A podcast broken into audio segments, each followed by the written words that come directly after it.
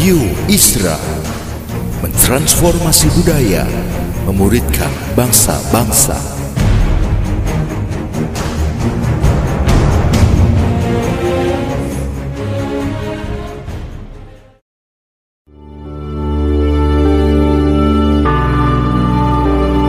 Apostolic Prophetic Messages mengungkapkan pesan dan arahan dari hati Tuhan bagi gerejanya demi menuntaskan mandat kerajaan Allah di Indonesia dan bangsa-bangsa. Selamat mendengarkan.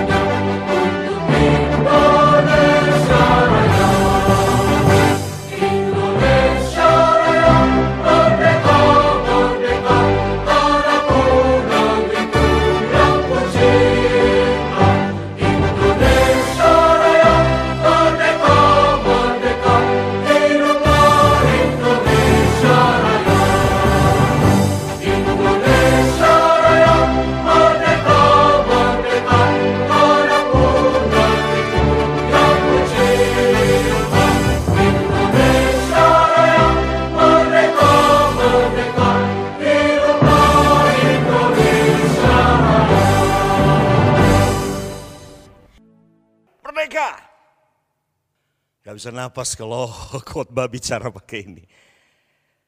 Oke, happy Sunday buat semua saudara jemaat yang diberkati Tuhan. Di mana pun saudara bergabung bersama-sama dalam live streaming dan online.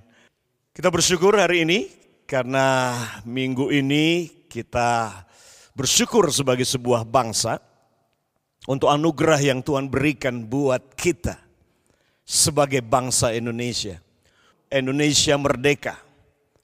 Dan untuk sebuah bangsa dengan ideologi yang sama, ini sebuah keajaiban. Ya, sebuah keajaiban. Dan menurut para pakar, itu sebuah ideologi kalau dia bisa bertahan 50 tahun, itu sudah sesuatu yang luar biasa sekali. Dan tentunya Indonesia sebagai sebuah bangsa kita telah melewati begitu banyak sekali goncangan. Goncangan-goncangan yang ingin mencoba untuk mengubah ideologi bangsa kita Indonesia dari Pancasila menjadi ideologi agama dan masih terus rongrongan-rongrongan ya amandemen-amandemen mencoba untuk melakukan itu untuk mengubah ideologi bangsa kita. Tapi sekali lagi kita bersyukur sebagai sebuah bangsa di negeri ini bahwa Indonesia tetap berdiri sebagai sebuah negara kesatuan. Dari Sabang sampai Merauke kita masih tetap NKRI dan kita bersyukur buat anugerah yang Tuhan berikan dan saya percaya bahwa ini bukan sesuatu yang kecil, ini bukan sesuatu yang mudah tentunya ya untuk Indonesia bisa tetap menjaga NKRI selama 75 tahun sejak kemerdekaannya. Nah, setelah 75 tahun merdeka, tentunya kita masih banyak pergumulan, masih banyak tugas, masih banyak mandat, masih banyak sekali pekerjaan PR yang diimpikan oleh pendiri-pendiri bangsa kita.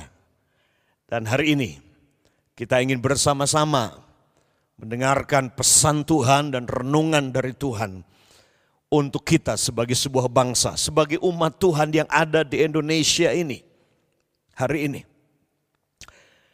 Nah kalau selalu senang dengan tema khotbah, maka tema khotbah saya, saya akan beri hari ini The enemy of freedom is freedom itself. Musuh dari sebuah kebebasan itu adalah kebebasan itu sendiri. Musuh dari sebuah kemerdekaan adalah kemerdekaan itu sendiri. Nah, apa yang saya maksudkan dengan ini, saudara? Nah, ini yang kita akan sama-sama merenungkan firman Tuhan. Kita akan membaca bersama-sama kebenaran untuk kita renungkan bersama-sama. Lihat bersama dengan saya dalam Galatia pasalnya yang kelima. Ayat yang ke-13 sampai dengan ayat yang ke-15. Ayat 13 sampai dengan 15. Dikatakan demikian, Saudara-saudara, memang kamu telah dipanggil untuk merdeka. Kamu dipanggil untuk merdeka. Sehingga saudara katakan ini pada diri saudara sendiri dan berkata, saya dipanggil untuk merdeka. Bukan dipanggil untuk dibelenggu, terbelenggu, dijajah, diinjak. Enggak. Saudara dipanggil untuk bebas dan merdeka. Itu panggilan Tuhan. Dan ini yang firman Tuhan katakan. Saudara-saudara, memang kamu telah dipanggil untuk merdeka. Tetapi janganlah kamu mempergunakan kemerdekaan itu sebagai kesempatan untuk kehidupan dalam dosa. Melainkan layanilah seorang akan yang lain oleh kasih, Sebab seluruh hukum Taurat tercakup dalam satu firman ini. Yaitu, kasihilah sesamamu manusia seperti dirimu sendiri. Tetapi jikalau kamu saling menggigit, perhatikan kalimat ini. Jikalau kamu saling menggigit dan saling menelan, awaslah supaya jangan kamu saling membinasakan. Nah, saya percaya apa yang Paulus katakan kepada jemaat di Galatia ini mempunyai pesan yang sangat penting sekali, khususnya di bulan Agustus, di mana Indonesia merayakan kemerdekaan yang ke-75 ini. Nah, dia berkata di sini, walaupun memang konteksnya Paulus berbicara kepada jemaat di Galatia, di mana dia berbicara kepada umat Tuhan yang telah dimerdekakan oleh kasih karunia, umat Tuhan yang telah dimerdekakan oleh anugerah, umat Tuhan yang telah dimerdekakan dari dosa, dari maut, dari kutuk. Umat Tuhan yang telah dimerdekakan dari tuntutan-tuntutan syariat agama yang begitu membebani mereka Sampai Paulus dia berkata bahwa jangan biarkan ada seorang pun menggagalkan kemerdekaanmu, menyerongkan kemerdekaanmu dengan menaruh lagi kuk di atas pundakmu. Kamu telah merdeka dari kuasa kegelapan, kamu sudah merdeka dari belenggu setan, belenggu dosa, belenggu kutuk dalam hidupmu. Nah, jangan biarkan si iblis mencuri sukacita kemerdekaan dan kebebasanmu ini dengan menaruh kuk di atas pundakmu dan membelenggu kamu dengan roh agama yang lain. Nah ini Paulus konteksnya dia bicara itu. Dan kemudian dia dengan tegas dia berkata bahwa hei kamu dipanggil untuk merdeka. Nah ini semua siapa pun dan apa pun agamanya kita dipanggil untuk merdeka. Kita dipanggil untuk hidup bebas. Kita dipanggil untuk merdeka tetapi juga memerdekakan orang lain. Ini adalah kehendak Tuhan bagi kita. Tidak ada seorang pun yang berhak mendindas dan menjajah orang lain.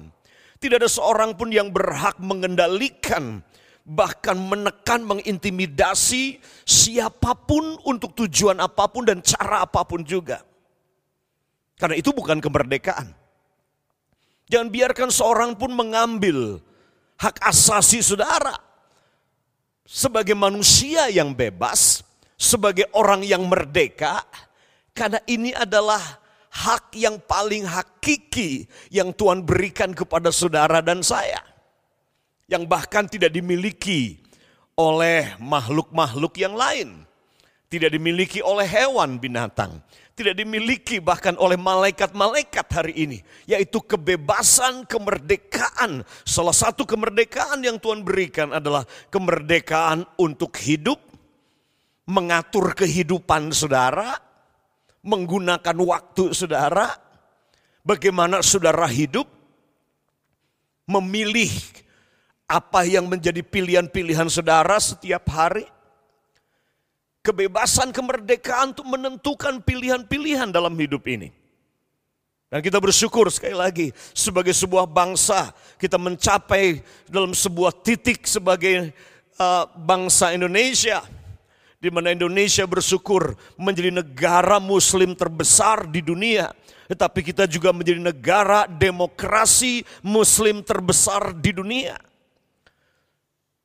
Nah, inti dari demokrasi adalah semua punya hak yang sama. Inti dari demokrasi adalah semua dipanggil untuk merdeka dan bisa memilih. Memilih agama yang dia ingin anut, memilih kepercayaan yang dia ingin percayai. Memilih jurusan kuliah, bekerja, menjadi apa saja. Itu adalah hak asasi yang Tuhan berikan kepada kita sebagai manusia. Dan inilah anugerah hidup dalam bangsa negara yang merdeka seperti ini. Dan jika kita membayangkan di negara-negara yang negara-negara yang berbasiskan agama atau syariat Islam di Iran, kemudian di Syria, dan kemudian di Cina, negara-negara ini, di mana mereka tidak memiliki kemerdekaan, kebebasan seperti yang kita miliki di Indonesia. Termasuk kebebasan untuk menyembah, kebebasan untuk percaya kepada Tuhan, kebebasan untuk mengekspresikan penyembahan kita kepada Tuhan dengan cara dan keyakinan masing-masing. Ini adalah sebuah anugerah yang kita kadang-kadang sebagai umat Tuhan di Indonesia kita lupa untuk bersyukur. Nah kita berpikir kita take it for granted kemerdekaan ini. Bahkan kita paham dan sadari ini bahwa kemerdekaan yang kita nikmati hari ini, ini bukan sebuah kemerdekaan yang cuma-cuma, kemerdekaan yang murah, kemerdekaan yang murahan. Tapi kemerdekaan yang kita nikmati hari ini, kita harus pindahkan. Kita harus beritahu anak-anak kita, generasi di bawah kita. Bahwa untuk kita menjadi negara yang merdeka, manusia yang bebas di bangsa ini, ini ada harga yang mahal yang harus dibayar oleh para pendiri-pendiri bangsa kita.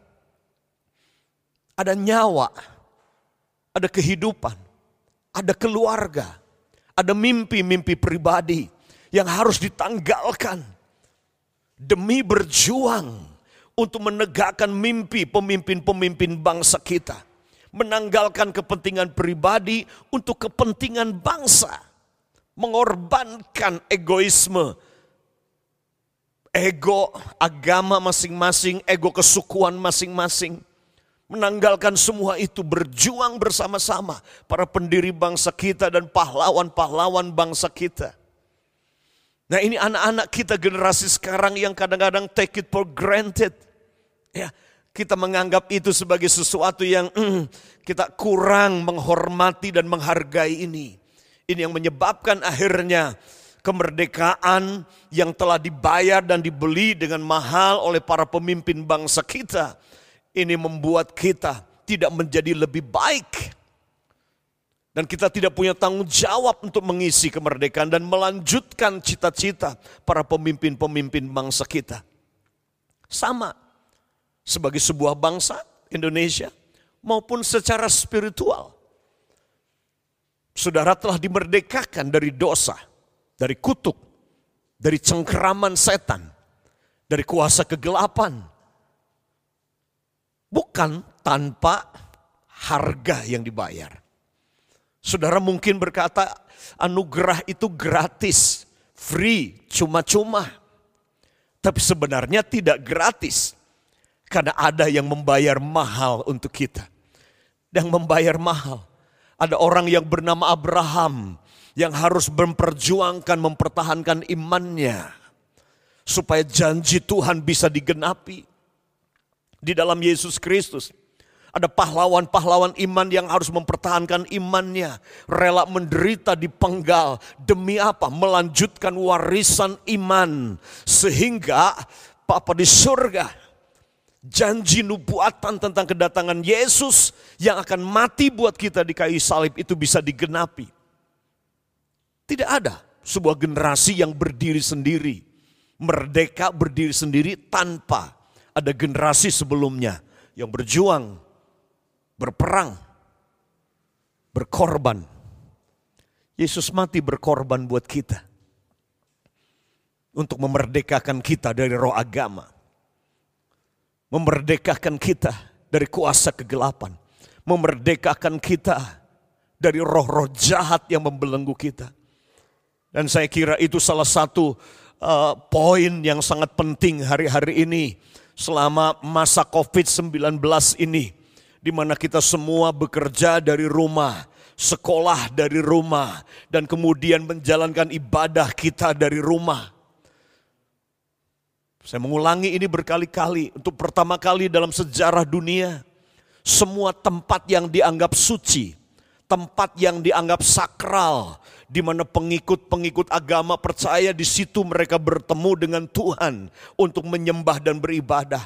Untuk pertama kali dalam sejarah umat manusia di seluruh dunia, semua tempat suci ini ditutup dan tidak bisa dipakai. Apakah itu berarti uh, Tuhan dibatasi kalah dengan COVID? Sehingga rumahnya Tuhan atau tempat-tempat suci ini tidak bisa dipakai lagi sehingga Tuhan tidak bisa bertemu dengan umatnya? Tentunya tidak. Tentunya tidak. Tapi kita sedang ada dalam sebuah era, dalam sebuah fase yang baru. Yang sebenarnya bukan hal yang baru. Sebab Tuhan sudah mengatakan itu 2000 tahun yang lalu. Ketika dia tergantung di atas kayu salib, dia berkata sudah selesai. Ketika dia berkata sudah selesai, bukan cuman selesai masalah dosa sudah selesai. Masalah sakit penyakit dia sudah selesaikan. Masalah hukuman kekal dia sudah tanggung. Dia sudah pikul semua. Tetapi juga ketika dia berkata sudah selesai, bukan hanya dia menggenapi semua nubuatan para nabi, tetapi juga dia sedang berkata sudah selesai era agama. We are entering post-religious era. Kita sedang masuk pada era di mana berhenti berakhirnya roh agama ini. Covid mengalahkan roh agama ini. Dengan semua kita ibadah di rumah. Semua bersatu, berseru kepada Tuhan. Dengan cara masing-masing di rumah. Ini yang dahsyat. Ini yang luar biasa sekali. Tuhan menciptakan kita sebagai makhluk, sebagai manusia yang merdeka. Nah saudara, tetapi kemerdekaan ini bisa menjadi musuh dengan sendirinya. Saya katakan bahwa musuh dari kebebasan adalah kebebasan itu sendiri. Musuh dari kemerdekaan adalah kemerdekaan itu sendiri.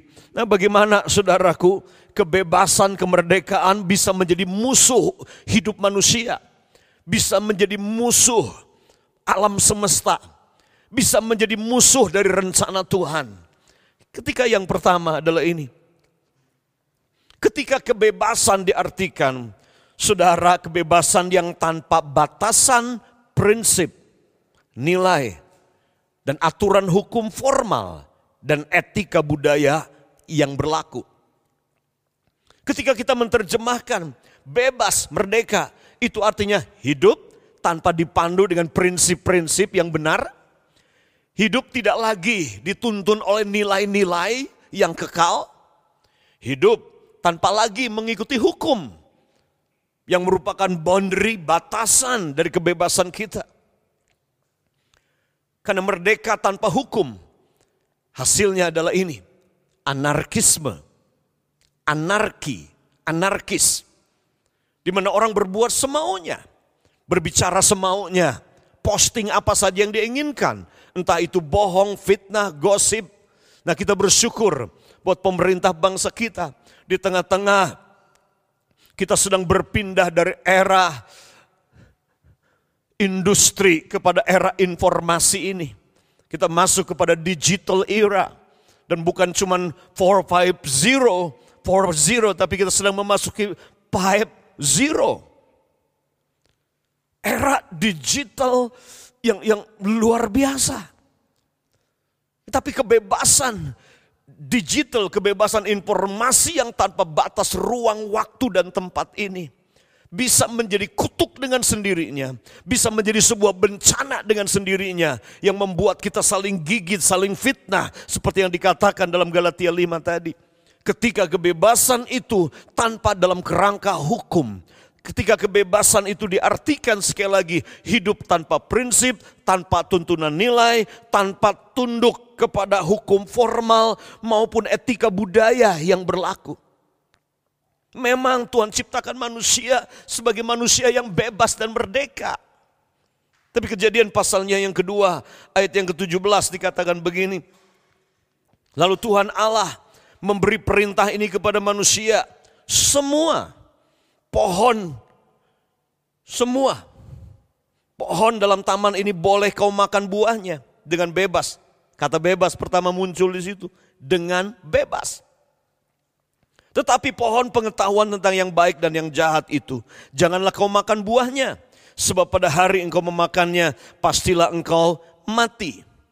Kebebasan, tapi di dalamnya ada tanggung jawab. Kebebasan di dalamnya ada boundary, ada batasan. Di mana dia berkata, kamu boleh makan semua buah dalam taman ini. Boleh kamu nikmati. You are free man. Eat whatever you want. Ambil, makan apa saja dalam taman ini. Tapi kemudian dia berkata, hanya satu.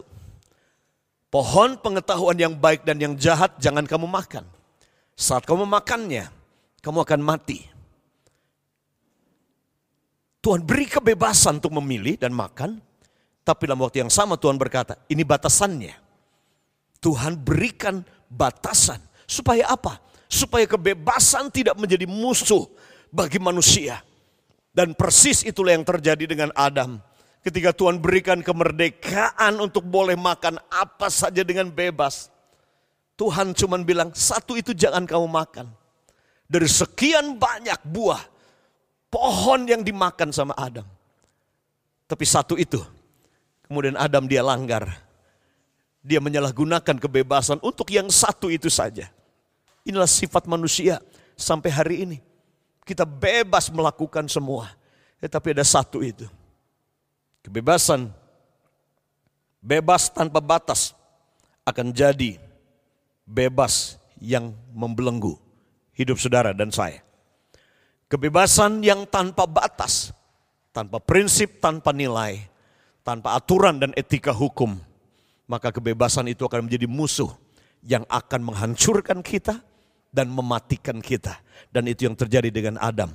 Dia makan, dia salah gunakan kemerdekaan yang Tuhan berikan dengan makan buah yang Tuhan bilang jangan kamu makan. Akibatnya dia mati. Yang kedua, Bagaimana kebebasan akan menjadi musuh kehidupan kita manusia. Kemerdekaan jadi musuh kita. Yang kedua adalah ini, ketika kita tidak memahami, ketika kita tidak paham tujuan mengapa kita dibebaskan. Kita tidak paham maksud, rencana, tujuan dari sang pembebas yang memberi kepada kita kebebasan. Nah ada begitu banyak orang sudah dimerdekakan oleh Tuhan. Tapi kemudian tidak tahu tujuan dari kemerdekaan itu. Makanya dikatakan oleh Paulus dalam Galatia pasal yang kelima. Memang kamu telah dipanggil untuk merdeka. Tapi jangan kamu pergunakan kemerdekaan itu sebagai kesempatan untuk kehidupan dalam dosa. Jemaat tidak paham. Artinya ada orang-orang yang menyalah artikan. Ada orang-orang yang gagal paham tentang arti kemerdekaan. Karena mereka tidak mengerti tujuan mengapa saya dibebaskan. Mengapa saya dimerdekakan? Mengapa Tuhan memerdekakan saya dari dosa, dari kematian, dari neraka? Ketika kita tidak paham ini, ini yang terjadi akhirnya. Kita menginjak-injak makna kemerdekaan itu. Kita menginjak-injak roh kasih karunia. Kita menginjak-injak darah anak domba yang telah menebus kita itu. Karena ketika kita dengan sengaja, bahkan secara intentional, kita menggunakan kemerdekaan dan berkata, "Eh, hey, kita bebas." Artinya bebas buat dosa, bebas gosip, bebas fitnah orang, bebas berbohong, bebas berjitnah, bebas korupsi, bebas kawin cerai. Ketika kita berpikir seperti itu, maka kita bukan hanya kita tidak mengerti tujuan mengapa Tuhan memerdekakan kita, tapi kita juga sedang menginjak-injak roh kasih karunia dan menginjak-injak menyia-nyiakan darah anak domba yang telah dicurahkan untuk membebaskan kita. Sama seperti ini bangsa kita. Ketika Indonesia merdeka, dan generasi ini banyak kali tidak paham tujuan daripada kemerdekaan mimpi dari pendiri bangsa kita. Maka yang terjadi adalah menghasilkan generasi yang anarkis, generasi yang tidak respect kepada pemimpin, generasi yang kehilangan hormat kepada orang-orang yang telah berjasa untuk bangsa ini. Lahir pemimpin generasi, bahkan tokoh-tokoh yang menyebarkan kebencian, dan memanfaatkan kebebasan berbicara, kebebasan untuk mengekspresikan ketidaksetujuannya dengan demo dan protes bahkan media sosial ini lebih mengerikan lagi. Kita sedang tidak menghargai dan kita tidak sedang memahami tujuan cita-cita kemerdekaan kita sebagai sebuah bangsa.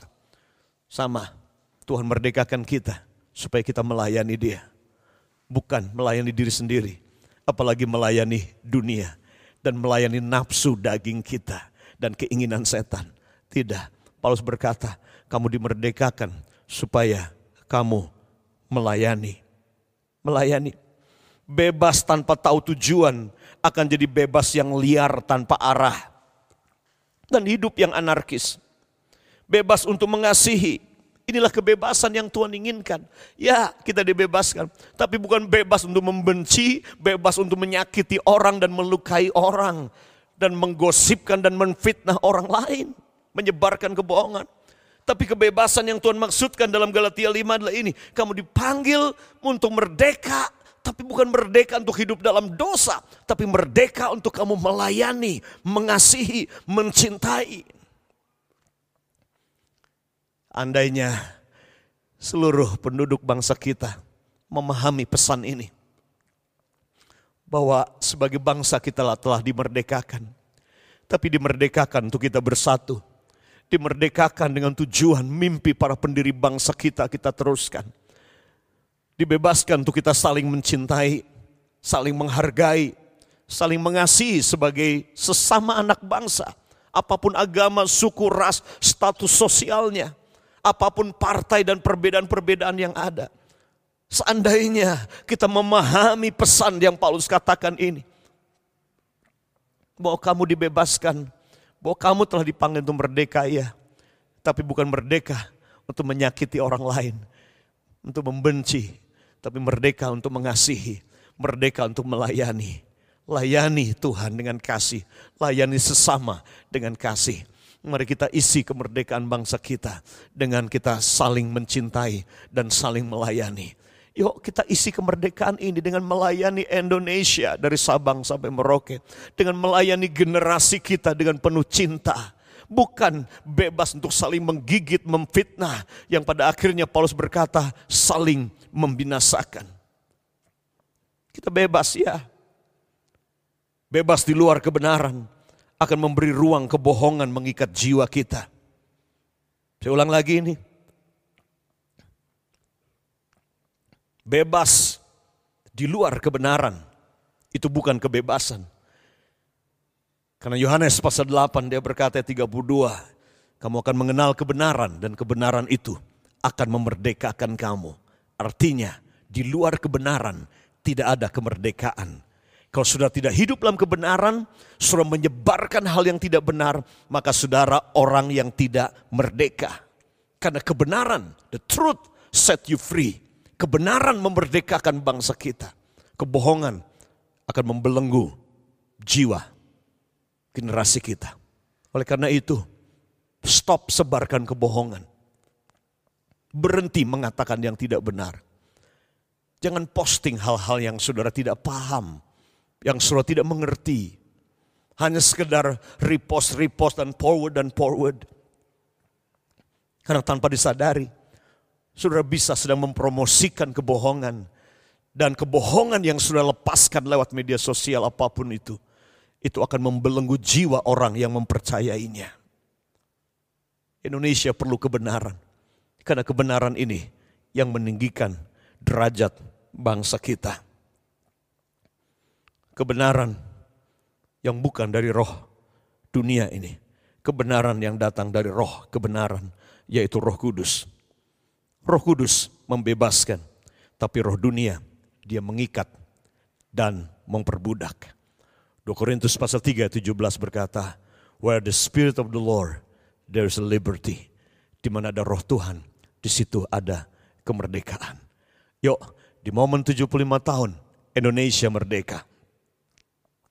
Kita ingin katakan yang benar tentang Indonesia. Kita akan mendeklarasikan dan mengucapkan kebenaran. Dan kita berdoa supaya roh kudus yang adalah roh yang memerdekakan ini. Dilepaskan atas bangsa kita Indonesia. Roh kudus yang adalah roh kebenaran, roh yang memerdekakan ini. Membebaskan orang-orang yang menjadi antek si iblis. Karena iblis dia adalah bapak pembohong, apa pun atas nama apa pun namanya yang menyebarkan berita yang bohong dan kebencian. Kita berdoa supaya roh kebenaran ini, supaya roh kudus yang adalah roh yang memerdekakan ini dicurahkan atas bangsa kita di ulang tahun 75 bangsa kita Indonesia.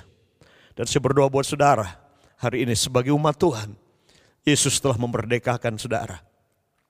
Jangan salah gunakan kemerdekaan itu isi kemerdekaan dengan melanjutkan mimpi dari Tuhan Yesus buat kita. Ya apa mimpinya Tuhan? Mimpinya Tuhan adalah Injil diberitakan ke seluruh muka bumi ini. Dan setiap suku bangsa generasi dimuridkan untuk namanya dia. Ini mimpinya dia. Kita dimerdekakan bukan untuk diam pasif tapi kita dimerdekakan untuk melanjutkan pelayanan yang Tuhan Yesus sudah mulai ketika dia ada di atas muka bumi ini. Melanjutkan apa yang dia sudah mulai.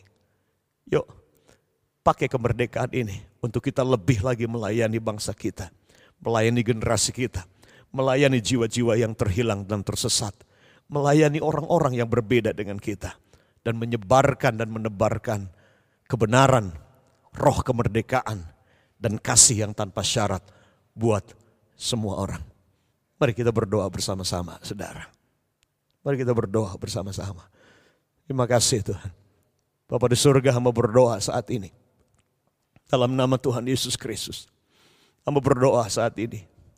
Kalau saudara mungkin hari ini sedang dibelenggu. Saudara sedang diikat. Saudara diikat mungkin dengan kemarahan, kebencian. Diikat oleh dosa. Diikat oleh roh kebohongan yang terus berbisik di telinga saudara. Ingat iblis dialah bapak pembohong. Hari ini dengar dia berkata bahwa jika anak memerdekakan kamu maka kamu pun sungguh-sungguh merdeka. Pakai kemerdekaan untuk melayani Tuhan dan mengasihi Tuhan lebih lagi. Dalam nama Tuhan Yesus sama berdoa saat ini. Setiap belenggu yang membelenggu umatmu, yang mengikat umatmu saat ini dalam nama Yesus Kristus Tuhan. Dihancurkan dalam nama Tuhan Yesus. Belenggu sakit penyakit, belenggu ketakutan, belenggu trauma karena masa lalu, belenggu sakit hati dan kebencian dan dendam, belenggu kebohongan dalam nama Yesus Kristus Tuhan. Kami ambil otoritas atas nama Yesus Tuhan yang adalah kebenaran itu. Kami ikat semua roh itu dalam nama Yesus Tuhan. Dan kamu dibebaskan sekarang dalam nama Yesus Tuhan. Ada kemerdekaan yang sejati yang datang karena kebenaran. Karena roh kudus yang adalah roh memerdekakanmu. Terima kasih Bapak di surga. Terima kasih bangkitkan kami sebagai umat di bangsa ini Tuhan. Yang mencintai bangsa ini. Yang mensyukuri kemerdekaan. Jadi bangsa, jadi umatmu di bangsa ini yang menghargai para pemimpin-pemimpinnya. Yang menghormati pemimpin-pemimpin pendiri bangsa kami. Menghormati veteran yang telah berjuang Tuhan. Untuk kemerdekaan bangsa kami. Berjuang Tuhan. Kami berdoa bangkitkan Tuhan bangkitkan the spirit of respect and honor dalam generasi ini. Di mana pun dan siapa pun dalam nama Yesus dan mulai dari kami umatmu di bangsa ini. Kami berdiri untuk Indonesia dan kami akan melayani Indonesia. Dan kami akan mencintai Indonesia dari Sabang sampai Merauke. Apa pun suku agama mereka Tuhan. Kami akan bersama-sama Tuhan. Kami akan berdiri bagi Indonesia dan bersuara bagi Indonesia. Kami tidak akan diam dan suarakan kebenaran untuk Indonesia. Karena kami tahu kebenaran akan meninggikan derajat bangsa kami Indonesia. Terima kasih Bapak di surga. Terima kasih buat the spirit of freedom. Biar roh kemerdekaan, roh kebebasan ini Tuhan terdengar dari Sabang sampai Merauke. Di dalam nama Tuhan Yesus Kristus. Haleluya. Amin. Mari semua jemaat Tuhan. Kita bawa hati kita kepada Tuhan. Kita bawa doa kita bagi Indonesia yang kita cintai. 75 tahun Indonesia merdeka. Kita ingin Indonesia sungguh-sungguh merdeka. Merdeka dari iri hati. Merdeka dari fitnah. Merdeka dari roh kebohongan. Merdeka dari korupsi Merdeka dari kemiskinan dan kebodohan. Merdeka dalam semua hal. Mari kita berdoa bersama-sama. Yuk kita nyanyikan lagu ini. Bawa hati kita, bawa doa kita. Kita ingin setiap suku bangsa Indonesia sujud menyembah. Menyembah dia sebagai Tuhan dan Raja atas bangsa ini.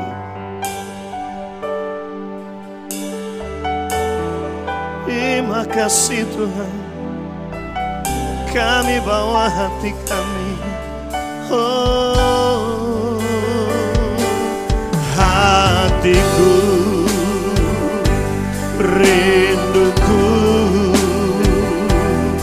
Semua bangsa sujud menyembah. Tangisku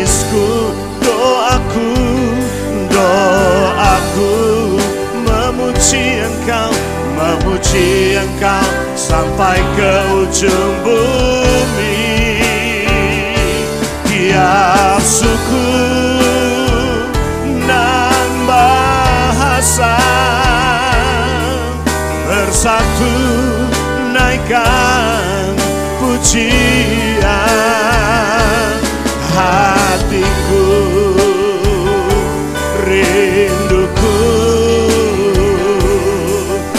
Semua bangsa menyembahmu. Yes. Mari saya undang sudah berdiri bersama-sama yuk. Dan nyanyikan katakan hatiku. Hatiku Rinduku. Ini kerinduan kami bagi Indonesia Tuhan. Bangsa ini sujud menyembah. Menyembah kepadamu Tuhan.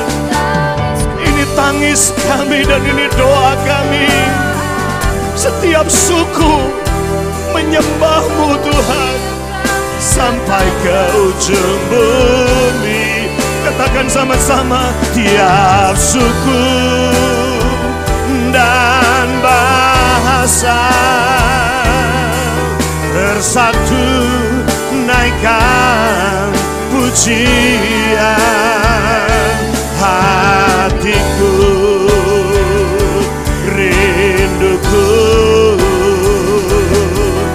semua bangsa menyembahmu. Yeah. Semari kita nyanyikan sekali lagi. Yuk gandeng tangan sama-sama.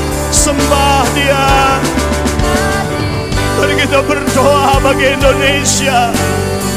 Deklarasikan kebenaran dan kemerdekaan bagi negeri ini. Indonesia menyembahmu,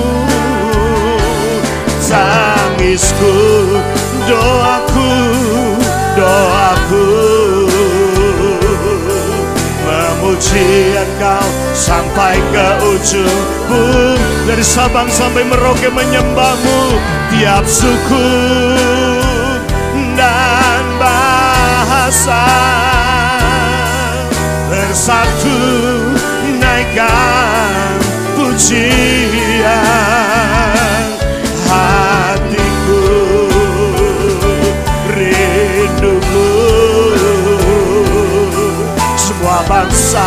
Bangsa menyembahmu Yesus.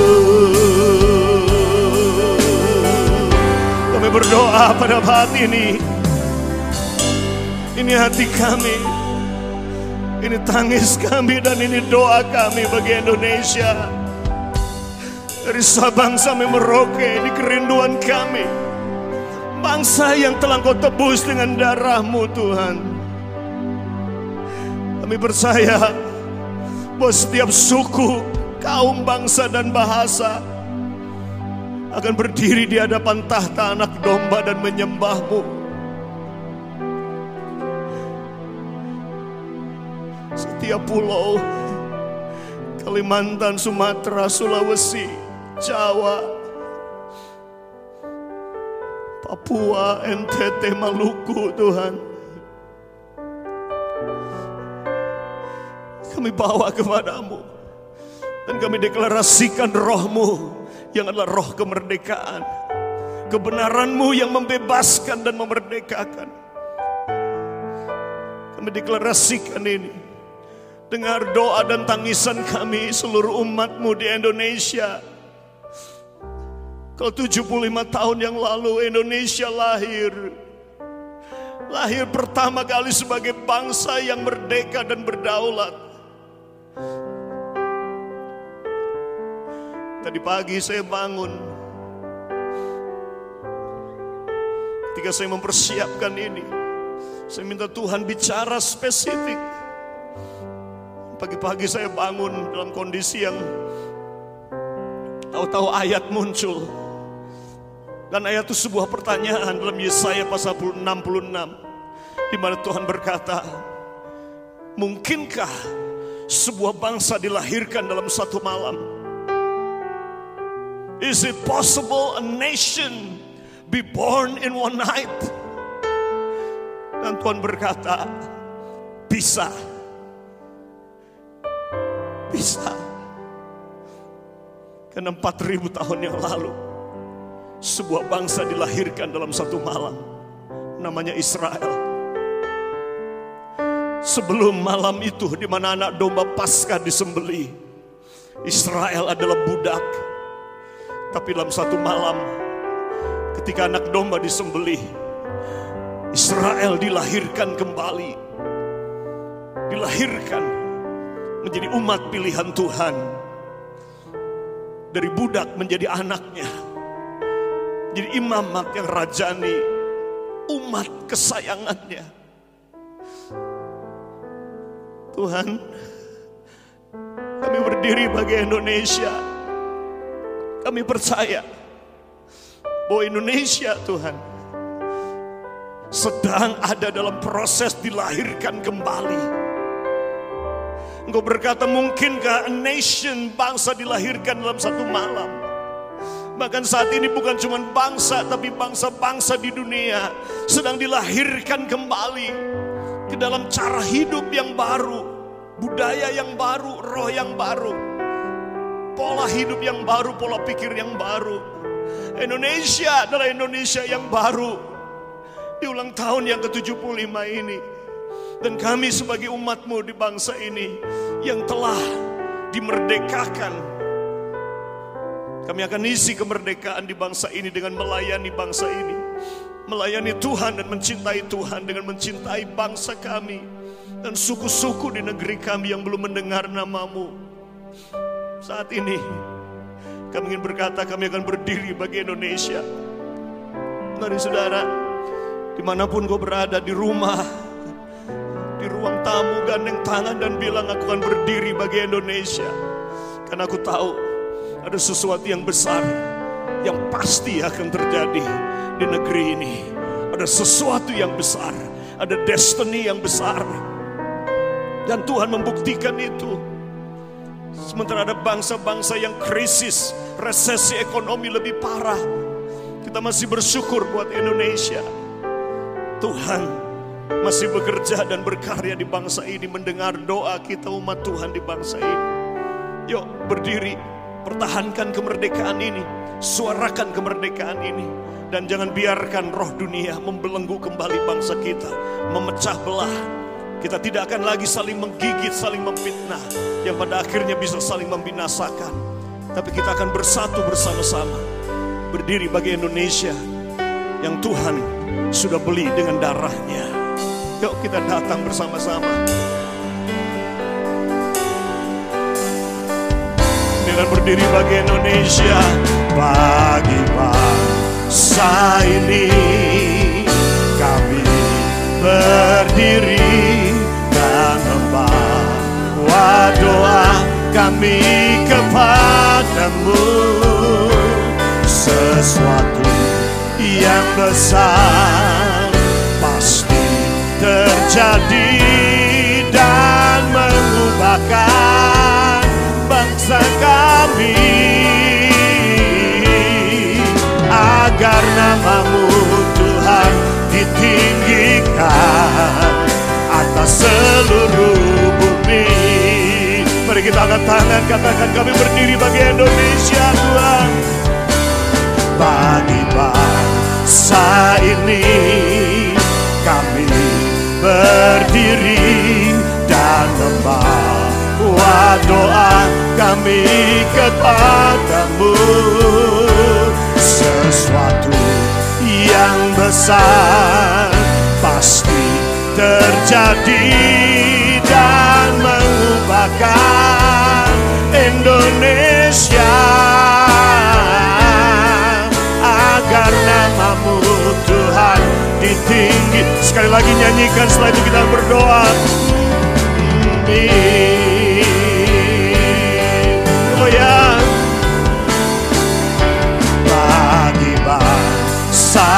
Ini kami berdiri dan membawa doa kami kepadamu. Sesuatu yang besar pasti terjadi dan mengubahkan negeri kami.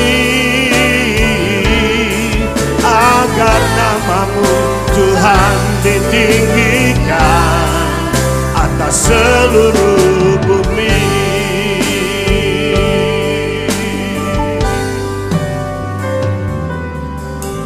Kami berdoa bagi bangsa kami Indonesia. Dari Sabang sampai Merauke. Sebagaimana air menutupi lautan. Demikianlah kata Tuhan.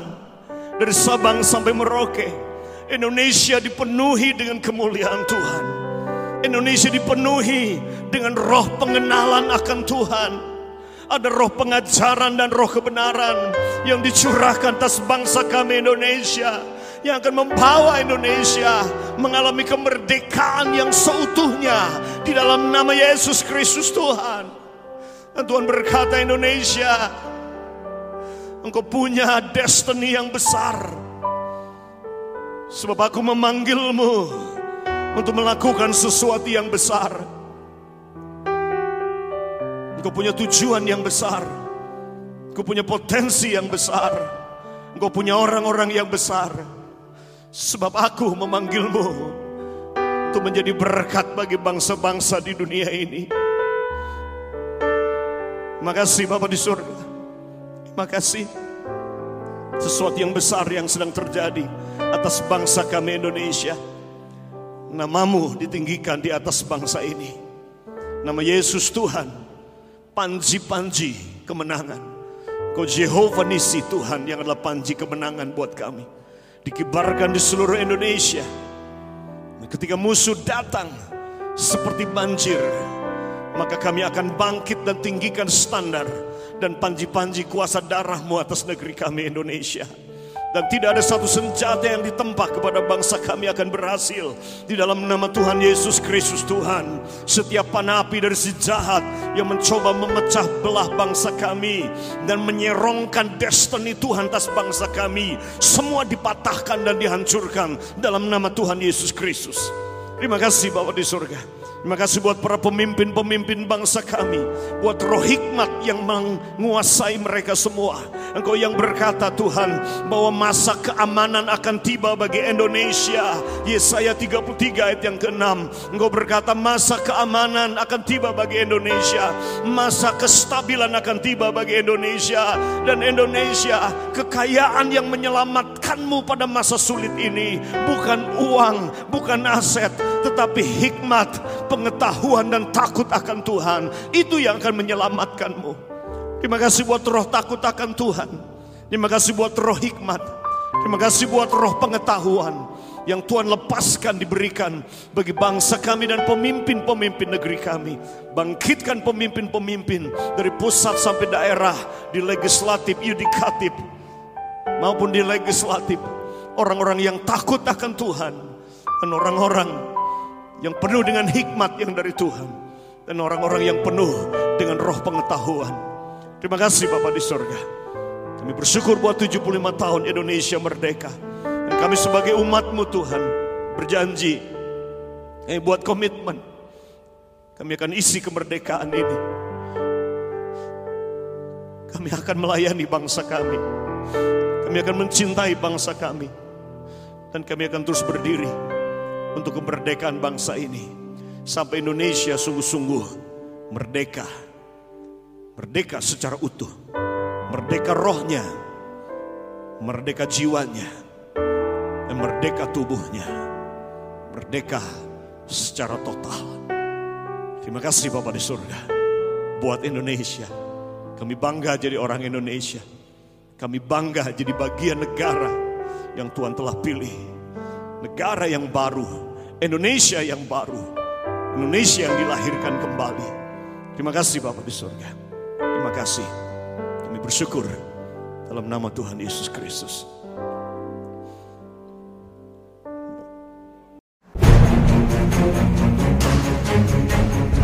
Radio Isra mentransformasi budaya, memuridkan bangsa-bangsa.